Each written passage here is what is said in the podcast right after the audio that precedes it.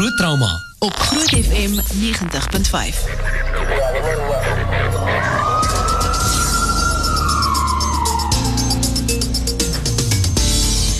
Dis 5 minute oor 8 op hierdie klein Saterdag Woensdag aand en weer tyd vir groot trauma.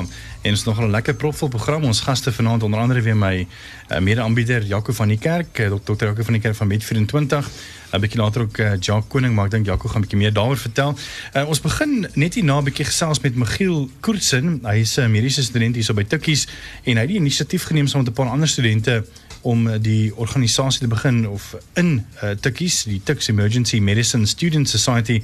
En ons gaan 'n bietjie met hom gesels. Hulle was ook uh, onlangs oor see gewees waar hulle nogal baie goed gevaar het en ons gaan 'n bietjie daar gesels 'n bietjie later natuurlik 'n bietjie meer oor Mosambiek nee Jaco. Ja Pieter, goeienaand, goeienaand aan almal wat luister. Ek sien baie uit na die tweede helfte ook van vanaand waar ons bietjie gaan praat oor ehm um, die gevolge van die van die tragedie of ramp in Mosambiek. En ehm um, dokter dokter Koning het hier van 500 voor Christus af begin om uh, met kolera navorsing te doen. So hy gaan ons van van daar af vat tot vandag toe waar dit in Mosambiek 'n groot probleem is.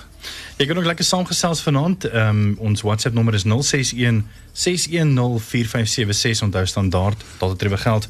En as jy enige vrae het, ons is natuurlik altyd lekker kinders in die ateljee en natuurlik Jaco van die kerk ook. So stuur daai vrae, jy is meer as welkom. Groot trauma op Groot FM 90.5.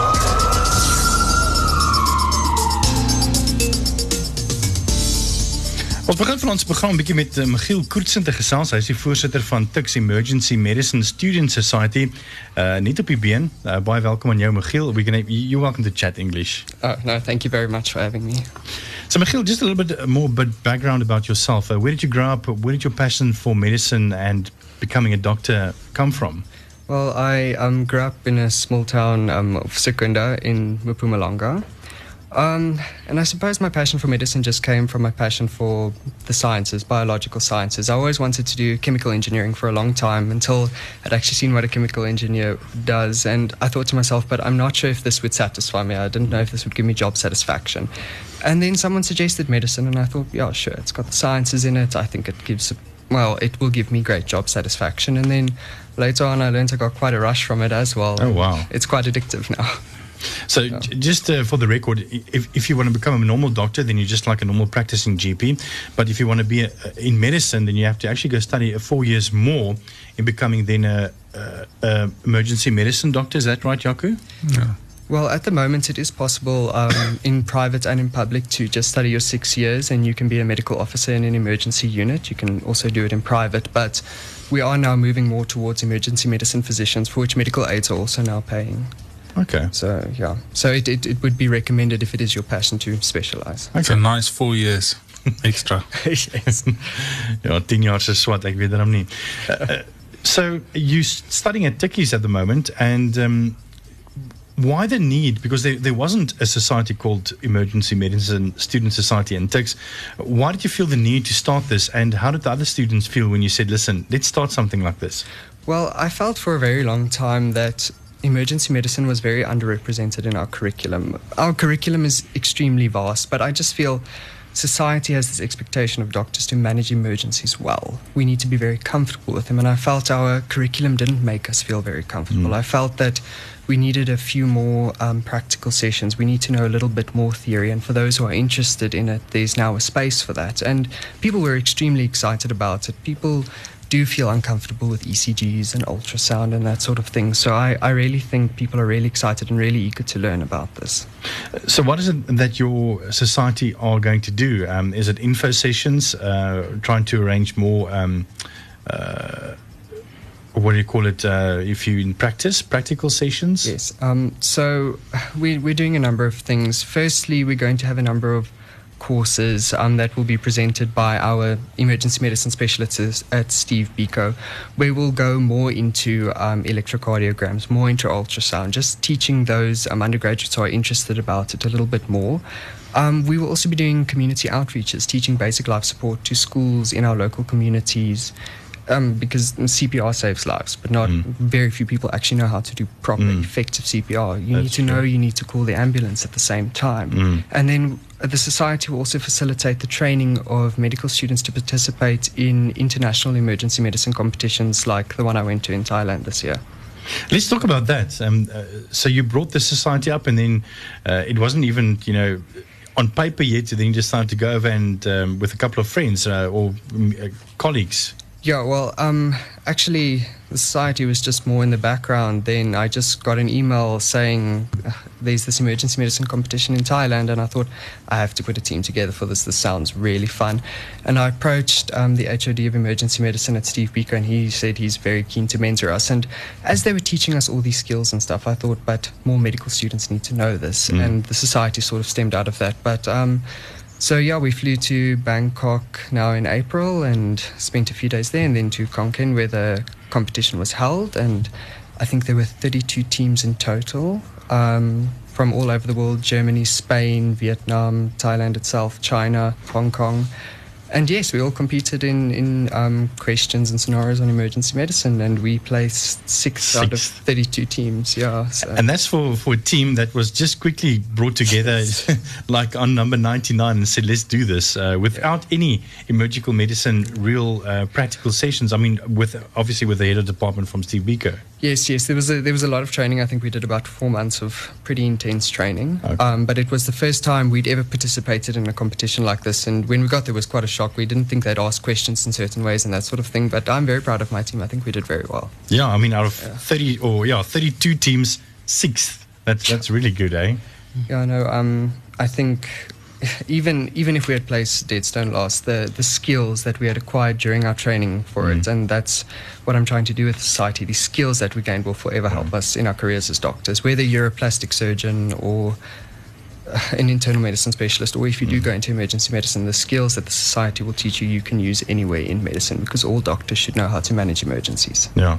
Do you feel that um, now that you study for doctor or, or to becoming a doctor, do you feel that you know the lack of there's too much theory and not students should from year one do way more practical than than theory? Uh, I'm a very big proponent for just getting into the hospital, seeing patients. You don't need to draw blood on them. You don't need to put drops on them. Just speaking to the patients, learning to communicate with people, and yes, of course, later actually doing the procedures a little bit earlier on will really benefit us. Um, in Europe and other countries, they don't touch patients until pretty much after they've graduated, and we saw that difference at this competition. We saw how much we, how much more capable we were.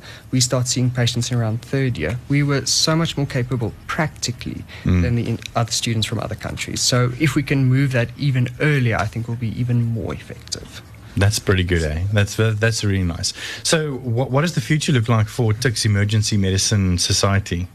Well, um, there are a lot of emergency medicine competitions, so I'd like to send as many teams as possible to as many of them as possible. There's also a European simulation competition where you're given a scenario and you act it out on a mannequin. I'd love to get teams to Europe as well, and then of course setting up a number of courses on venomous um, animals and poisonous plants. And ECGs and ultrasound and all that sort of thing. So I'd like to get the courses going and definitely start with our community outreach programs as well. Just a quick question. Um, you're now in your third year. When do they teach doctors to do CPR? Um, I'm in my fifth year now. Sorry. Oh, fifth year. Sorry. So they teach you, I think, in your second year, you have a, a small block where they do teach you CPR, but what they don't teach you is how to work in a team. Right. No doctor ever works alone. You have your nursing staff, you have other doctors, you have clinical associates now with you. And for me, the most frustrating thing is when I actually started doing resusces in the hospital is I had no idea what my role was. It's very, it's, it's all well and good to learn to do CPR on your own, but you almost never do it on your own in a hospital scenario. And that's what I like about the American Heart Association with their basic life support, what they do. Uh, and they also train you, you know, what is your role in a three or four member team, which is quite nice, you know.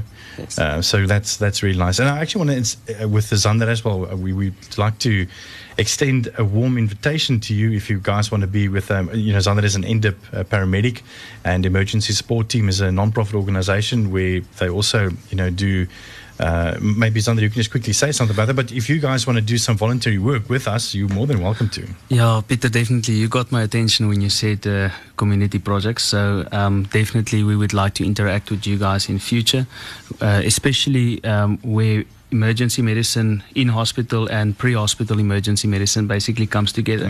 So I think there's definitely um, two uh, different fields uh, which which we can bring together, so that we can learn from you and you guys can learn from us.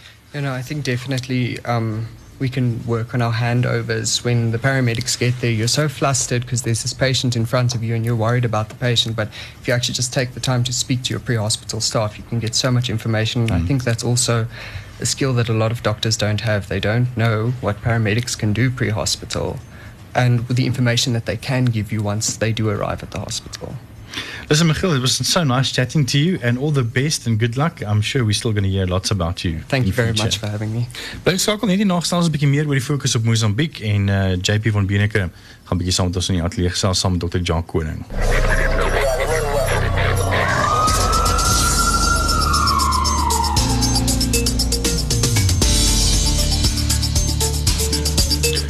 Ons fokus al die hele dag is op Mosambiek en uh met sikloon Idai wat verwoesting daar gerig het dit is my baie lekker om 'n bietjie vanaand vir JP van ehm um, direkteur van uh, Gauteng Provinsiale EMS in die atlete verwelkom.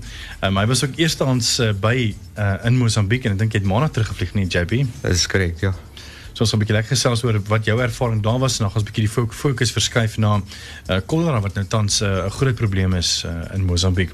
JP net vinnig oorsig, ehm hoe lank was jy daar gewees? Wat is jou ervaring van 'n mediese perspektief en natuurlik trauma? So, so ons doel was meer 'n 'n primêre gesondheidsorg uh doel vir oë. So ons die gesondheidsdepartement het 'n klomp uh, medikasie en en medisyne en toerusting deurgevlieg van van Waterkloof lugmagbasis af. Um ons het net so oor die 4 ton se toerusting gevlieg om die, om die weermag te gaan bystaan daar. Sure. En um basies het ons elke oggend saam met die weermag uitgevlieg op 'n Oryx um na die noorde van Mosambiek toe. Beira self is redelik um uitgesort in die tyd wat ons daar was. So daar was nie meer reddingspogings nie. Um en om by daai afgeslote dorpies wat nog deur water afgesluit is Hmm. uit te kom en vir die mense um primêre noodsorg aan te bied. Dit was ons doel. Wat tipe van trauma het julle eerstehands beleef? Uh, verdrinkings uh, of meer maar net ehm um, ouens wat wat is daai woord wat uh, weet Jan van Mestre het gewoon ook op die skepe ervaar ehm um, skeerbuik. Ja, skeerbuik. Ja, so so omdat hulle afgesluit was daar nie regtig um identieke kos nie. So hulle het, hulle lewe op vis en en pap. En uh, een van die ander goeders wat ons baie gesien het is is snye. So van van die sink wat ge, wat gevlieg het en mm. um boomstomp en alle goeders. So daar's baie um bland tipe trauma wat die ouetjies oorgekom het en en vir weke daarmee gesit het. Daar was byvoorbeeld 'n 5-jarige meisietjie wat um 13 dae voordat ons aangekom het gebrand het met kookwater Nee. en glad nie mediese noodsorg kon nie en sy het haar haar hele bors, arm en rug was gebrand en hulle het basies die wond behandel met ehm um, uh, beesmis. Ag nee. En so, so ons het daar dadelik toe van van van die klein dorpie af uitgevlieg met met 'n Oryx helikopter. Is dis slegte goed wat ons gesien het daar. Nog 'n paar slegte ondervindings uh, wat jou nogal na in die hart geraak het. Ehm um, so die mense is baie alles anemies. So omdat hulle nie regte voeding in kry nie, hulle van die begin af as jy daar aankom klassiek. Ehm um, so as jy by 'n dorpie aankom, is daar 800 900 mense wat wag en elkeen is siek. Ehm um, hulle alles anemies. So as jy nou hulle byvoorbeeld onder die oog of die tong uitsteek, dan sit bleek bleek bleek, is amper wit. Ehm en dan het hulle allerlei kroniese siektes ook, so baie diarree, ehm um, hoë en ons absoluut geen mediese sorg vir daai mense nie glad nie. Byvoorbeeld om een van die dorpies uit te kom, is dit 2 dae op 'n vierwiel motorfiets. Twee dae op 'n vierwiel motorfiets om by hulle uit te kom. Ehm die die area is is mooi, dis pragtig, is tropies, maar kom heeltemal afgesny van van die res van die wêreld af. Wat was van die uitdagings behalwe nou vir weet die lang afstande wat jy moes doen? Wat was dan die ander uitdagings vir jou as 'n voorhospitaalse mediese personeel het? Ehm um, meen is gewoond aan eintlik maar weet padongelukke uh, of ander weet verdrinkings en sulke goede. Ehm wat het vir jou uitgestaan hierso? Soos my sleg was is pasiënte wat jy hier in Gauteng byvoorbeeld hospitaal toe sou vat met ambulans. Hmm. Los jy daar. So ehm um, byvoorbeeld baie van die cholera tipe pasiënte of diarree tipe pasiënte het jy uh, vloeistowwe gegee, die rehydrasie gegee en dan los jy hulle. Ehm um, hier is al 'n pasiënt hospitaal toe gegaan het. Hulle sit met bloeddrukke van 60 sistolies wat 'n baie lae bloeddruk is. Jy kan amper nie eens 'n pols op hulle kry nie. En uh, jy kan nêrens heen vat nie want daar's nie fasiliteite in die Beira hospitaal was was ehm um, oorweldig. Hulle het skade met die met die ehm um, sikloon self gehad. So dit was om daai pasiënt agter te laat na die einde van ons dag. Uh, en jy jy's net 2 of 3 dae by 'n dorpie en dan beweeg jy na 'n volgende dorpie toe. So jy probeer so groot as moontlik 'n uh, impak maak uh, op die dorpie en die mense daar. En die, en die slegte deel is hulle is baie van ons skoon kos. So as jy daar aankom met net mediese toerusting, hulle is hulle is amper heeltemal um Verbaas. verbaas dat jy nie met kos daar aankom nie. Ja. So, so byvoorbeeld op een dag het ek 'n sjokolade saamgevat en dit vir die kinders en dit beklei om die die die wrapper van die van die sjokolade af te lek. Sure. Wat hartseer is is Ja. ja. dis mens mens sien dit nie in Suid-Afrika nie, is eintlik baie gelukkig hierso. Hmm. Wat dra by tot die lae bloeddruk? Is dit maar dehydrasie of Groot grootendeel dehydrasie. Dit is verskriklik warm daar. Ek het nog nooit soveel bedompigheid in my lewe gevoel nie. Dis dit was verskriklik en en ons het verskillike lang klere aangetree vir die vir die muskiete, vir malaria veral. En daar's baie ehm um, water spoele wat nog lê. So die malaria broei verskriklik vinnig uit ook nou. En ehm um, so jy's warm aangetrek, jy sweet verskriklik en dan dink hoe voel daai mense ook. So hulle het en en daar's 'n verskillike hoeveelheid mense wat malaria self het ook.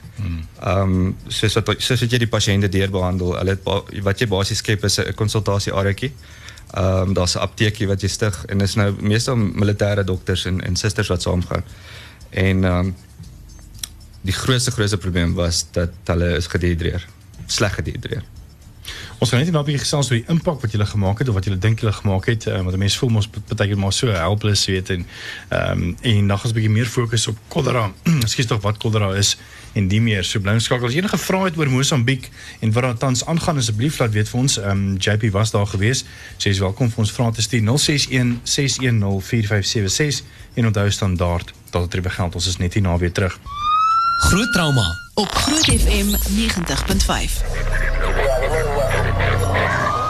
Dis groot trauma op Groot FM 90.5 en ons gesels 'n bietjie oor Mosambiek en die sikloon Idai wat verwoesting daar ge, gesaai het.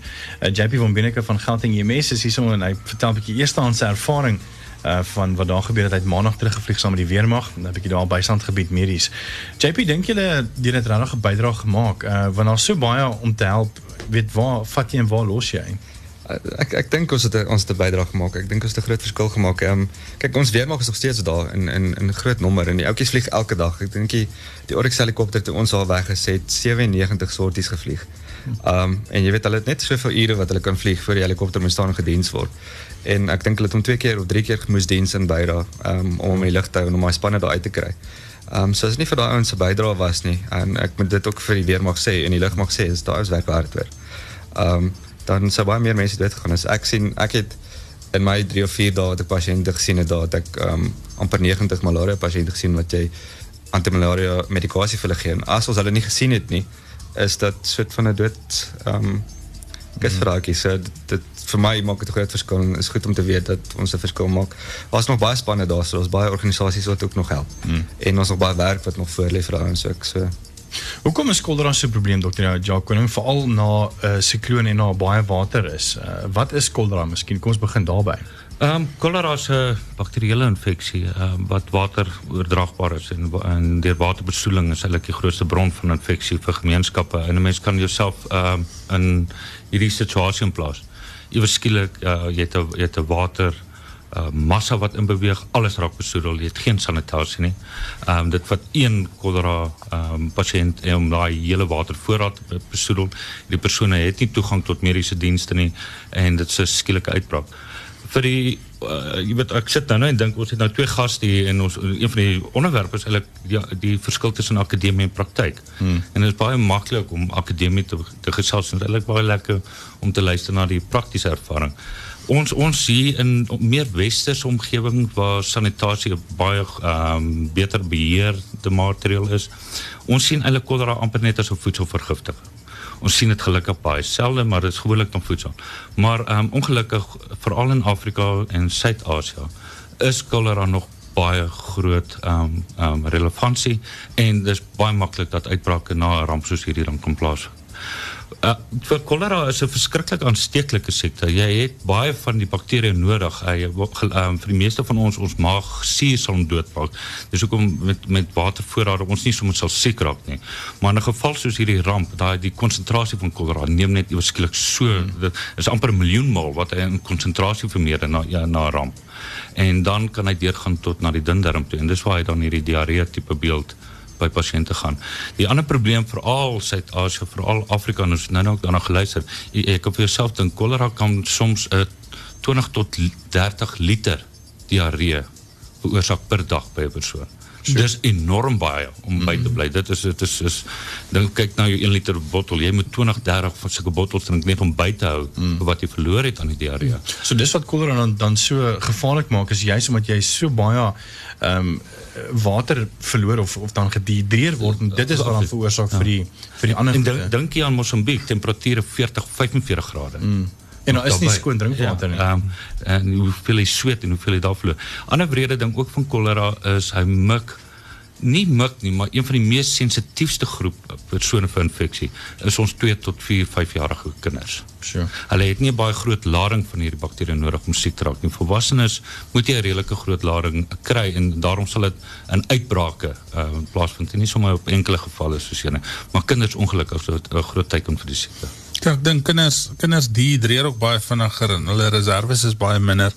Ehm um, ek het vroeër vanmiddag 'n stukkie gelees oor kolera en hulle praat van blue death dat hulle so gedehydreer raak dat um, hulle vel begin 'n blou kleur of blou skynsel kry, jy weet. So, Sure. Dis 'n dis 'n ongelooflike en dis waar daai volumes vandaan kom. Ehm um, 20 tot 30 liter vog. Jy kan amper nie daarby kom as jy dink aan iemand wat 2 of 3 liter water per dag drink, dink hulle het baie water gedrink vandag. Jy weet, maal dit met 10 wat jy verloor. En daarmee saam gaan nie net suiwer water nie. Ek dink dat die die elektrolytwanbalanse wat daarmee saam gaan, die die soutte wat jy verloor met ander woorde maak vir jou maak vir jou vrek siek. En ons het dit gesien, daar was 'n pasiënt wat ehm um, hulle aangedra het, hy was heeltemal ehm um, buite uit het nie hy kon nie uit hom sê wie hy wie, wie hy was nie. En ons het vir hom 6 liter binneaardse vloeistof gegee. Ehm um, voordat hy enige tekens van van le lewendig Ja, ja, ja. ja. probeer wys het hy's beter. En dit was amper 9 liter binneaardse vloeistof voor hy urine ge ehm um, gepas het. Baas het So jy moet weet hoe sleg dit deur was ja. Mm. Jacques net gevinnig ehm um, wat wat se verduidelik gou vinnig vir ons net die die ehm um, vandat jy nou nou kolera gekry het, dis 'n infeksie. Nou begin jy dehydreer. Wat wat se ander goed gebeur met jou liggaam? Ehm um, in die latere stadium tot totdat jy nou aanvanklik doodgaan van kolera. Kolera is 'n redelike vinnige aanvangssiekte. Ehm uh, dit mag in dieselfde dag wat jy dit opgedoen het, mag jy al begin simptome ervaar. Ehm um, En wat is die simptome? dis diarree, diarree en op en braking. Dis 'n gastroenteritis beeld. Ehm um, kenmerkend ons ons praat baie keer in die mediese literatuur van reiswater diarree, maar dis letterlik waterige diarree. Organisme het 'n baie unieke wyse waarop hy in die dun darm aan die selle koppel en hy interfereer daar met 'n pomp wat soutte eintlik in die darmkanaal laat inbeweeg dan. Sure. Hierdie soutte trek dan die vog uit jou hele sistemiese uh, voorrade uit na die darmkanaal toe en hierdie kom dan as 'n watermassa uit. Daarom is dit ook uh, in terapie 'n- 'n baie moeilike ding en um, ja in akademiese opset sal ons toets vir dit en ons sal gaan kyk na kwekings en dis meer. Maar in sulke rampgebiede dit, dit is amper 'n van selfsprekende diagnose. As jy dit eendag in jou lewe gesien het, dan sal jy dit nie sommer vergeet nie. Maar die terapie is ook nie net vogtoediening. Dit help ook nie jy het net water nie, want hierdie persone verloor so enorme hoeveelheid soutte saam met dit. En dis waar ons nou almal al geleer het van hierdie wat jy die ehm um, halwe teelepel sout of die vol teelepel sout saam met die sewe teelepel suiker en water net vir diarree gebruik. En dis juist op kolera gemik. Ehm um, want jy moet daai sout ook aanspreek. Jaco gebruik 'n baie mooi term blou dood. Ons almal ken die swart dood ehm um, in, in in geskiedkundige uh, literatuur. Hmm. Maar die blou dood uh, dit is dis 'n dis 'n benaming aan kolera gekoppel en dit is juis van hierdie soutverlies en hierdie vogverlies dat jy letterlik jou bloedvate en jou ligamenteuse weefs, um, weefsel onder jou vel kan sien. So jy sien eintlik dwars die vel en dis waar die blou verskynsel aan um, sy naam vandaan kry. So wanneer gaan jy dan eintlik dood? Ek meen as jy nou dehydrasie kry, kry jy hartaanval uh, weens die soutte of die Dit natrium? is so enorme uh, vogverlies dat dat uh, jou liggaam net sistemies kollabeer. Uh, wat hy ook genoem het, uh, bloeddruk gewys, urine gewys, jou organe het net nie meer enige perfusie funksie nie. Jy jy het net nie vog vir sirkulasie nie. So jy kry 'n totale sirkulatoriese kollap en 'n skokbeeld ehm um, basies waarvan jy gaan. Ehm um, dit is ook moeilik. Ehm um, dink vir jouself uh, waar jy begin 10, 20 liter diarree het. Jy kan jouself nie eens versorg nie. Mm. En dis waar die kontaminasie ook kom. Dis nou baie maklik mos jy ja, maar gaan toilet toe as jy diarree het en die goedere. Hierdie arme persoon is so swak. Daar waar hulle val, daar lê hulle. Mm. Uh, want dis letterlik binne 24 ure dit van 'n normale gesonde persoon het jy 'n persoon wat soos hy sê 9 liter vog nodig het net voordat jy 'n pols kan voel. Hmm. by so 'n persoon. Uh, JP en Zander net gevinnig uh, as hulle op so 'n pasiënt kom dan gee hulle natuurlik vir hulle ehm um, uh, wat noem hulle sakke water ehm um, Benaarse vloeistowwe. Benaarse vloeistowwe. Hoe vinnig kan daai of wat is die vinnigste wat jy dan die vloeistowwe kan laat gaan of die met bolus nê? Ja. Ehm um, in 'n pasiënt in. So vir vir hierdie pasiënt spesifiek het het ons redelik vinnig vloeistowwe gehardloop. So ehm um, jy jy maak jou lyn oop en jy het 'n redelike groot uh, naald wat jy in die aar probeer inkry en 'n redelike vinnige um, drippers um, stel wat aan die vloeistof konnekteer. Ehm um, en jy hardloop hom oop. So hy hardloop vinnig. Dit is amper soos jy 'n trauma pasiënt behandel. Um, om om te probeer revive. Ja. En sien die mens dadelik as mense onnesim opgekoppel het op 'n ehm um, fibrillator dat mense kan sien hartklop en sulke goed. Dan kan 'n mens dan sien hoe die bloeddruk dan ehm um, weer normaal word weens die drukking in die in die in die in die are en Ja, so ja, dit dit vat baie vloeistof vir jy nor, normale bloeddruk weer begin sien. Ek dink na die 9 liter vloeistof het ons eers 'n 90 systoliese bloeddruk gehad. Ehm um, dit daai areas is te ver om om om toerusting soos EKG's te vat. Ehm um, want jy moet dit dra so intoe. Mm.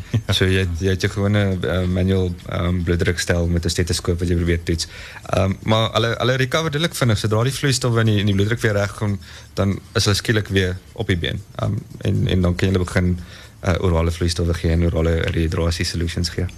Jaco, wat gee mense of Jaco, wat, wat gee mense pasiënte met kolera om dit dan teen te werk? Ek dink aan die een kant ehm um, is orale rehydrasie die belangrikste. Ek en Dr. Koning het nou van die lug af gepraat oor die oor die antibiotika en hy gaan baie meer daaroor sê maar dit is nie nie gewens om regtig antibiotika as 'n primêre linie te gebruik nie. Ehm um, en dan is daar immunisasies ook nê nee, vir ja. vir kolera. Ehm um, hy kan nog vir ons meer vertel van die immunisasie. Ehm um, volgens my werk die immunisasie en dit werk binne 6 dae maar dit werk binne 6 maande half uit ook. So dit is eintlik ideaal vir so vir so 'n area om half te voorkom dat die ding sprei. Ehm um, jy moet dit net betyds doen. Ja. En ek dink dis 'n dis 'n belangrike ding. Ja, ons gaan uh, ons gaan net hierna weer 'n bietjie verder gesels om te hoor uh, wat Jacques Koning daar te sê het. So bly skakel vir groot trauma. Groot trauma op Groot FM 90.5. Skoot drama is nou by ons aangesluit het. Ons gesels 'n bietjie oor kolera en uh, wat dit aan die mense doen en vir ons verwys natuurlik nog heeldag uh as ons praat oor die Mosambiek krisis by die sikloon Idai. Jock, jy het nog aangegaan om te sê wat kan 'n mens gebruik om kolera uh die kiem of die bakterie dood te maak? In in in die meeste opsigte uh, in in andersins normale ek wil amper dit vir westerse samelewing is kolera nie so lewensgevaarlike siekte nie. En die meeste mense sal met konservatiewe ingryp baie baie vinnig herstel amper. Uh, vir die meeste word orale terapie aanbeveel. En die groot rede daarvoor is net die orale terapie wil voorkom asof dit die meganisme waarmee die diarree is aanspreek baie beter as wat die binneaardse terapie dit doen. Selfs met die antibiotikum ook is dat problematiek met die antibiotikum maar is effektiewe antibiotikums maar dis baie keer 'n selflimiterende siekte nommer 1. En die tweede ding is die antibiotikum baie keer eintlik 'n tweede siekte vir jou uitlok. Dis dat jy selekteer nou net weer vir 'n ander organisme in jou darmkanaal wat nou net seer gehad het en nou kry jy 'n tweede tipe gastroenteritis speel. Ehm um, so dit hang af van omstandighede. In die omstandighede waar hom nou byvoorbeeld bevind het waar dit nou absolute rampgebied is. Ehm um, is mense nou baie meer gelimiteerd en mense is baie meer desperaat in terapie. So daarom uh, word antibiotika meer vrylik aangebied. Drups sal baie vinniger aangesit word. Uh, 'n Belangrike wapen wat ons het en hierdie is uh, maar elke owerheid, elke land uh, sy eie maar is 'n soort vaksineprogram. Die vaksines is nie so seer vir die publiek bedoel nie. Uh dis nie as ons nou byvoorbeeld jy wil nou na Mosambiek toe gaan oor oor 2 maande vir vakansie moet ek nou 'n kolera vaksin kry nie. Dis nie eintlik die doelwit daarvan nie. Baie meer vir rampgebiede dit is um, en hoe vinniger jy dit kan doen toedien in, in hoe groot mate. Hulle het byvoorbeeld in Mosambiek ek dink in 'n kwessie van 3 dae kon hulle 1 miljoen mense inent. Sure. wat wat wat wat eintlik uh, mense kan net applous gee vir die wêreld se poging tot dit die vaksines wat so 'n paar dae om om effektief te raak en gee so vir 6 maande dan beskerming. Maar dit gee mense daarom tydperk in daai ehm um, daai ramptydperk. Kan dit dan 'n bietjie rustigheid want mense kan amper verwag um, dat 'n mens met iets soos cholera.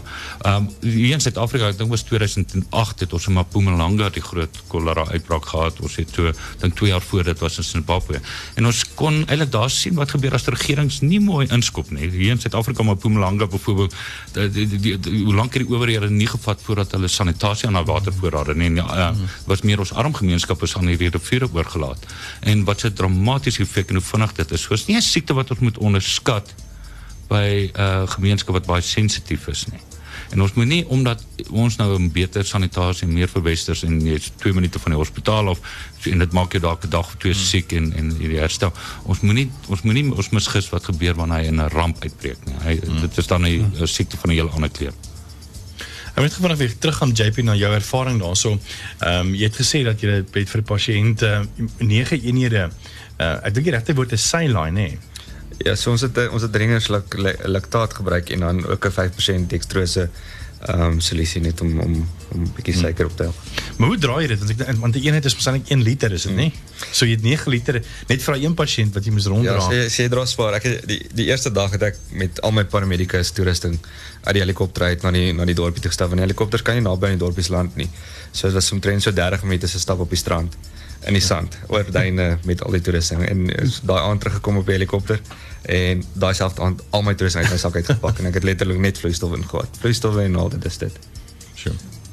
En uh, van 'n voorhospitaalse um, ervaring, ehm um, dink jy ons kan miskien nog iets uit leer hierso. Um, ek weet ons het baie vinnig gereageer. Ek dink as nou die kudos wil gee vir die weermag met hulle baie vinnige respons. Dink jy ons kon of wat het het ons uit geleer en hoe kan ons dit beter doen volgende keer? Ek dink ons ons kon 'n bietjie vinniger ge, ge reageer het um, op die krisis. Ehm um, daar was 'n klomp ouens wat wat gegaan het vir die reddingspogings en en toe was daar 'n bietjie van 'n van 'n uh, gaping tussen die reddings uh, periode en en die die primêre helfsorg tipe hmm. tipe deel. En ek dink as ons 'n bietjie vinniger van die van die helf uh, van die gesondheidsdepartement kant af uh, mense kan instoot in daai areas selfs op die einde van die reddingspoging al die dokters en die en die susters daar kan hê hmm. nog 'n groter impak sien ja. Dink jy dit sal help om eerder te kyk of of daai dalk nie uh winsgewende organisasies is met ouens wat ten minste dan net uh, weet uh, die Amerikaanse hart assosiasie se BLS en First Saver om in te gaan en dan half die prioriteit 3 uh en moontlik 2 uh, uit te sorteer waaroor jy dan eintlik net fokus op die prioriteit een pasiënt dink dit sal help of sou dit nie regtig 'n verskil gemaak nee so een van die goed wat ons op bydrae gesien het is baie um, hulle noem dit ramp toeriste So daar's baie mense met baie goeie bedoelings om so te gaan, maar jy die vervoer limit jou oor waar jy kan uitkom. So daar's net twee of drie helikopters wat mense kan vat. Uh en elke keer as jy op 'n helikopter spring, beteken daar's 'n 100 kg kos wat nie gevlieg word nie. So hmm. jy moet baie slim wees en die hoe die, die logistieke uitwerk. So om te veel mense daar in by dat jy wat net daar sit en en absoluut nêrens kan gaan om mense te help nie, hmm. is ook 'n probleem. So dit, dit daar daar's baie meer beplanning agter dit hmm. en ehm um, ja. Dis maar my opinie op dit. Uh, enige laaste woorde van julle af uh, oor cholera, Jaco? Ja, ek dink net um, een van die ander goed wat 'n mens wat mense nog nie gesê het nie, is dat sanitasie is eintlik maar die die belangrikste voorkomingsmaatreël daarvan. Ehm um, alhoewel ons soos dokter Koning ook nou gesê het in 'n 'n rampgebied is dit eintlik nie nie ter sprake nie want daar is nie sanitasie nie. Maar ek dink ehm um, jy weet vir mense wat wat bang is ehm um, hulle gaan dalk in 'n area wat baie naby aan aan die rampgetuister area is. Ehm um, as jy goeie sanitasie het, moet jy moet jy reg te wees. Jock. Ja, cholera ons uh, ja, het vroeër gespot oor my 5 voor Christus ehm um, verwysing. Uh, ons ken cholera baie lank. Dis 'n siekte wat ons uh, epidemiologies medisyne verander het. Dit is ons eerste inenting, ons eerste vaksin was gemik op cholera. Uh dit is 'n siekte wat ons in verwesterse samelewings nie meer baie gaan nie. Maar ons hier in Suid-Afrika moet ons ook ons um, ons ons landkaart ken en ons grense en ons buurlande. En ons moet verstaan ons is sensitief vir hierdie rampe ook. En wat daai uit kant van die grens gebeur is nie alleenig daar nie. Hierdie goeie spoel oor na ons en word ook ons probleem. En daarom ek wil amper byvoeg, ons moet owerhede aanmoedig. Ons moet ons stem nou weer een van die dae kry owerhede wat vinnig optree. As ons 'n ramp sien tree op, moenie moenie vir 'n dag of twee nie. Ons mis persone selfs al is dit in 'n ander land want dit selfs al is dit in 'n ander land. Ja, Mense sterf binne 'n dag. JP se laaste woord van jou af. Ja, ek stem 100% saam. Ehm um, dit is dis 'n goeie ondervinding en ek ek dink dit is belangrik dat dat ons ook mense stuur want dit bou kapasiteit ehm um, dat as so 'n ramp Suid-Afrika tref. Ehm um, so baie goeie ondervinding. Ek sal sal die ondervinding terugbring Suid-Afrika toe en en hooplik volgende keer 'n vinniger tipe tipe reaksie kan kan, kan kry uit ons owerhede uit ja. Dankie JP. Van my kant af uh, JP was uh, trots om te sien uh, hoe ons mede kollegas uh, ander lande ondersteun. Ek het uh, hier op sosiale media het opgehou. So ehm um, was baie loers sal dit op my experience checklist wil sit. So verseker um, baie dankie vir die werk wat julle doen. Ons is bly jy is veilig terug en jy het nou nog genoem hulle mag hy mag dalk weer potensiaal teruggaan. Hmm. So wees julle maar veilig en dankie vir die goeie werk wat julle nie net in Suid-Afrika doen nie. Dankie. Hierdie potgooi sal weer beskikbaar wees tot die einde van die week teen Vrydag as jy dit graag weer wil luister.